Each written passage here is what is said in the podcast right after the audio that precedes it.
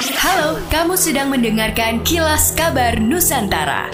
Podcast persembahan KG Radio Network menyajikan berita harian yang mengangkat keunikan dari berbagai wilayah Indonesia. Kilas Kabar Nusantara dapat juga didukung oleh pengiklan loh.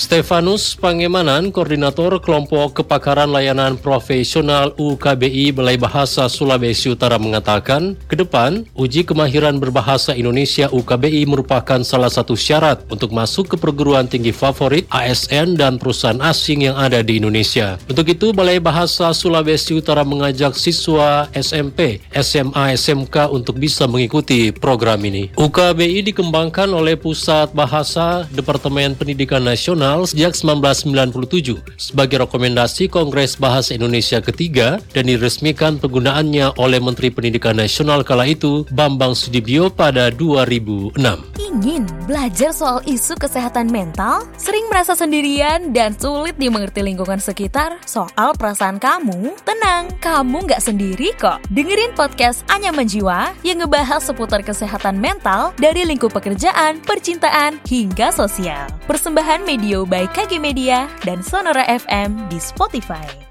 Banyak warga lanjut usia atau lansia yang hidup terlantar di kota Makassar.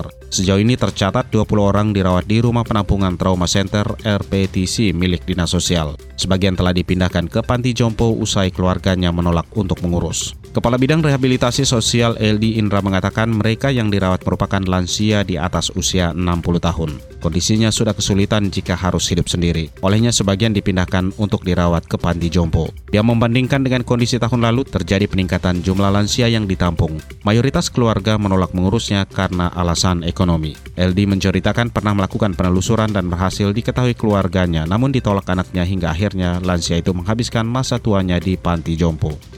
Bank Indonesia atau BI Malang menyiapkan uang baru tahun emisi 2022 sebanyak 1,28 triliun rupiah. Uang tersebut akan disalurkan kepada masyarakat yang ingin menukarkan uang baru. Kepala Bank Indonesia Malang, Samsun Hadi menyampaikan ada sekitar 1.860 dus uang baru yang telah sampai di kantor perwakilan BI Malang. Uang 1,28 triliun rupiah tersebut merupakan pecahan dari Rp100.000, Rp50.000, Rp20.000 rupiah, sepuluh ribu rupiah, lima ribu rupiah, dua rupiah, dan seribu rupiah. Serta dihimbau juga untuk masyarakat bisa menukar uang di kantor perwakilan BI Malang mulai tanggal 22 Agustus 2022 ini, di mana penukaran uang baru bisa melalui bank, kantor BI Malang, atau kas keliling BI Malang. Demikianlah kilas kabar Nusantara malam ini.